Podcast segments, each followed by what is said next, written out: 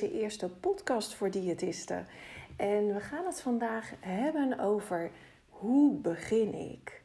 Laten we er namelijk van uitgaan dat jij een beetje geprikkeld bent in de zin dat jij aan de slag wilt met jouw zichtbaarheid. En dat je inderdaad voelt dat jij ook die energie wil ervaren van als jij je bezighoudt met het helpen van jouw ideale cliënt. En het zal misschien nu nog wel vaak voorkomen dat je misschien uh, cliënten op je spreekuur ziet of cliënten uh, begeleidt en behandelt met wie je eigenlijk niet zo'n connectie hebt. En die toch iedere keer weer op je pad komen en die je misschien doorverwezen krijgt. En jij voelt misschien dat dat niet de groep is, of dat dat niet de doelgroep is waar jij het liefste je mee bezighoudt. Misschien heb je wel een andere doelgroep voor ogen, of een bepaalde aandoening voor ogen, of een bepaalde specialisatie voor ogen, waar jij het liefste je mee bezighoudt, waarvan je ook weet dat je daar gewoon steen goed in bent en dat je daar heel graag in verder zou willen ontwikkelen. Maar doordat je steeds um, eigenlijk dezelfde mensen op je spreekuur krijgt, kom je er niet toe om je ook daadwerkelijk daarin te verdiepen. Je zit eigenlijk een soort vast een bepaald patroon. Je hebt misschien ook contracten met zorgverzekeraars. Um, je hebt natuurlijk afspraken met verwijzers of andere organisaties met wie je samenwerkt. Die zijn gewend dat jij op een bepaalde manier werkt. En hoe kan je dat nou doorbreken? Hoe kan je er nou voor zorgen dat jij toch meer in contact gaat komen met die ideale cliënt. Ja, dat heeft in eerste plaats natuurlijk mee te maken dat je gaat ontdekken wie jouw ideale cliënt is. En dus daar zul je altijd mee moeten beginnen. En vandaar dat ik daar ook deze podcast over opneem. Ik ben uh, zichtbaarheidscoach en social media trainer voor diëtisten. En ik ben nog steeds ook diëtist, alleen ik voer dat werk zelf niet meer uit. Ik heb twaalf jaar gewerkt als diëtist in verschillende organisaties en praktijken. En ook zes jaar in mijn eigen praktijk. Dus ik weet gewoon heel goed wat erbij komt kijken. En hoeveel tijd je in principe ook kwijt bent aan het behandelen van natuurlijk je cliënten. Maar ook in het uh, ja, verder afwikkelen. Hè? De administratie, je contracten, uh, een stukje netwerken. Allemaal dat soort zaken wat er ook nog bij komt kijken. Dus je houdt waarschijnlijk al helemaal niet veel tijd over om je ook nog te gaan bezighouden met jouw zichtbaarheid. En ook nog bezig te gaan houden met je social media. En misschien doe je het wel, maar werpt het nog niet zijn vruchten af. Wellicht omdat je eigenlijk een beetje een losse vlodder strategie gebruikt. Dus je doet af en toe eens wat posten en dan weer een tijdje niet. Of je weet gewoon niet zo goed wat je eigenlijk moet posten. Dus ja, je schrijft wel iets omdat je dat misschien gezien hebt bij collega's. En, uh, maar eigenlijk is het niet hetgeen waarmee jij echt jouw doelgroep, jouw cliënt kunt bereiken. Ze voelen het dan zeg maar niet. En dat is echt wel een vak apart. Dus uh, vandaar dat ik jou daar heel graag mee wil helpen, omdat ik weet hoe waardevol werk jij als diëtist doet. Ik, ik weet het gewoon en je kunt zo'n impact maken in het leven van ja, de mensen die jij begeleidt.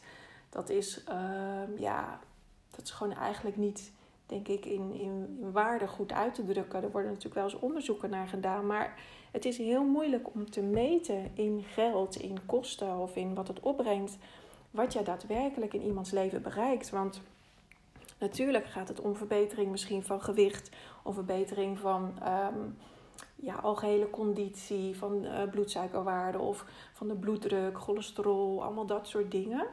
Uh, en die zijn natuurlijk te meten. En dat is gewoon ook heel fijn, want daarmee heb je in ieder geval een hele belangrijke tool in handen die jouw waarde makkelijker laat zien. Bijvoorbeeld aan andere zorgprofessionals of bijvoorbeeld ook aan jouw cliënten. Maar jouw cliënt heeft het meeste oren naar, naar wat jij echt verandert of waarbij jij kunt bijdragen in zijn of haar leven. Dus wat voor gevolg het uiteindelijk heeft dat jij helpt bij het veranderen van, het, van de leefstijl, van het voedingspatroon, waardoor bijvoorbeeld die bloedsuikerwaarden gaan verbeteren. En wat het effect op het leven van die patiënt of cliënt is als die bloedsuikerwaarden verbeteren. Misschien doet dat wel heel wat in ook zijn eigen waarde. Dat iemand um, zich meer zelfverzekerd voelt, niet meer bang is voor hypo's en meer durft deel te nemen aan sociale activiteiten. Of dat iemand meer energie heeft gekregen en dus nu ook weer veel meer gaat ondernemen. Um, of Misschien dat iemand heel erg angstig is voor bepaalde um, complicaties van, van diabetes, omdat iemand in de familie bijvoorbeeld daar gevolgen van heeft gekend. En dat jij daardoor iemand weer het vertrouwen kan geven dat hij op basis van, het van de huidige leefstijl uh, ook kan genieten van het leven in plaats van te leven vanuit angst. Nou, dat zijn voorbeelden van impact uh, die jij kunt hebben op het leven van jouw cliënt. En heel vaak staan we daar als diëtist niet bij stil. En daar kunnen we ook niet zoveel aan doen, omdat we ook gewoon gewend zijn om te kijken naar ja, de, de dingen die we kunnen meten. En um, omdat we nu eenmaal met de maatschappij meer ingesteld zijn om ons te focussen op angst en op onzekerheid en veel minder op uh, het genieten in het moment, kijken naar wat het je nu oplevert en um, ja, ook veel meer focussen op wat het echt in het leven doet van iemand. En dat is gewoon niet in, in geld vaak uit te drukken. Dat is gewoon ook heel persoonlijk. En dat is precies hetgene, die impact, die jij kunt gebruiken om connectie te maken met de mensen die jij het beste kan helpen.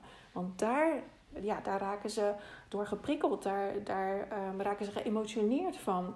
En dan zullen ze stoppen om jouw bericht bijvoorbeeld te lezen. Maar we hebben het over het begin. En dit was eigenlijk even een uitstapje waar het natuurlijk allemaal toe kan leiden. Maar als je begint bij het begin, dan ga je dus ook kijken wie jouw ideale uh, cliënt of ideale doelgroep nou eigenlijk is. Daar begint het altijd mee. En dat is niet gewoon even één zinnetje die je opschrijft. Nee, dat, daar ga je echt eventjes voor, voor zitten. Je gaat erover brainstormen met jezelf, misschien met collega's. Um, als je er met mij over wilt praten, is dat ook helemaal prima. Ik help je er graag mee. Uh, maar het is heel belangrijk dat jij goed voelt. En niet alleen verstandelijk, maar ook echt goed, goed voelt van binnen. Van welke soort cliënt jou, jij echt energie krijgt. Waar het vuurtje van jou in gaat branden. Waar je enthousiast voor wordt. Um, waar, waar je gewoon zin in hebt om die um, ja, goed te helpen. En natuurlijk weet ik dat jij iedereen goed wil helpen. Dat is denk ik ook de kracht van een diëtist. Alleen als jij werk wil doen waar jij energie van krijgt, waar jij ook ja, echt een match hebt met de cliënten die je helpt en waarmee je misschien zelf jouw praktijk ook nog een volgende stap kan laten nemen. dus dat je misschien ook andere inkomstenbronnen gaat genereren, behalve bijvoorbeeld de stromen via de verwijzers uh, in combinatie met contracten of dergelijke. Dan is het echt nodig dat jij je ideale cliënt weet te bereiken. En dan moet je dus ook weten wie dat is. Nou, en hoe doe je dat nou? In eerste plaats ga je gewoon opschrijven wat er nu bij jou te binnenkomt. Daar ga je mee beginnen. En vervolgens ga je dat verder uitwerken. Kun je die specifieke cliënt bijvoorbeeld een naam geven? Welke naam zou je eraan geven? Stel nou dat jouw uh, ideale cliënt um, Miranda heet. Ik noem maar wat. Nou, hoe ziet Miranda er dan uit? Hoe uh, is haar leven ingericht? Werkt ze? Um, is ze gepensioneerd? Heeft ze een gezin? Um, of juist niet? Um, heeft ze bepaalde klachten? wat zijn haar, haar waarden in het leven? Wat vindt zij belangrijk? Met wat voor soort mensen gaat zij om? Wat zijn de activiteiten die zij uitvoert? hoe is haar uh, financiële omstandigheid? Dat zijn, of haar hobby's bijvoorbeeld, die kan je natuurlijk ook meenemen. Je kunt het heel breed maken. Hoe meer jij weet over jouw ideale cliënt, hoe makkelijker het voor jou gaat worden om haar ook te gaan bereiken. En je moet ook weten welke taal jouw cliënt spreekt. Waar, waar denkt ze over na? Waar maakt ze zich zorgen over? Hoe verwoordt ze de dingen die in haar omgaan? Hoe praat ze met haar vriendinnen of met haar familie? Dat soort dingen is heel erg belangrijk. En als je dat nu nog niet zo goed weet, ga dan eens kijken waar Miranda in dit geval um, zich veel bevindt. En probeer in contact te komen met de Miranda's, zeg maar. Kijk even of je ze uh, vrijblijvend mag benaderen voor wat onderzoek. Dus dat je kunt vragen van joh, uh, waar loop je nu tegenaan? Wat zou je graag veranderd willen in je leven? Um, dat soort vragen, waardoor je dus echt een soort ja, feeling gaat creëren met die Miranda, met die ideale cliënt voor jou. En je kunt natuurlijk als tegenprestatie gelijk ook iemand al een paar tips geven.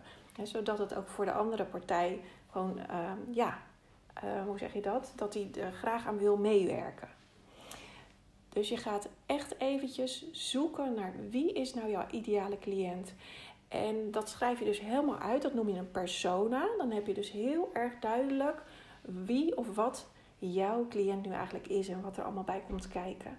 En op het moment dat je dat helder hebt, dan kun je daar je hele uh, social media strategie, maar ook je uitingen in je foldermateriaal of in je website, ehm, maar ook bijvoorbeeld naar verwijzers toe of naar de mensen op je spreekuur, dan kan je daarover gaan communiceren. En op het moment dat je daarover gaat communiceren, gaat het dus makkelijker worden om dus die ideale cliënt te bereiken. En natuurlijk heb je daar nog tools voor nodig. Daar ga ik ook nog podcasts voor over, uh, over opnemen. Maar voor nu, om bij het begin te beginnen, en ik denk dat dat al een flinke stap is, is het om jouw ideale cliënt echt binnenste buiten te keren. En om te weten wat er in haar of zijn hoofd omgaat en hoe haar of zijn leven eruit ziet. Nou, dit was het voor vandaag. Ik hoop dat je iets aan deze podcast hebt. Laat het me weten. Je kunt me een mail sturen naar eva.krachtvanuithethart.nl En ik denk ook graag met je mee als je vragen hebt gekregen naar deze podcast. Of als er misschien andere dingen zijn waar je graag meer over zou willen weten, dan kan ik daar ook weer een podcast over opnemen. Ik wil je in ieder geval hartelijk danken voor het luisteren naar deze eerste podcast en ik wens je heel veel succes.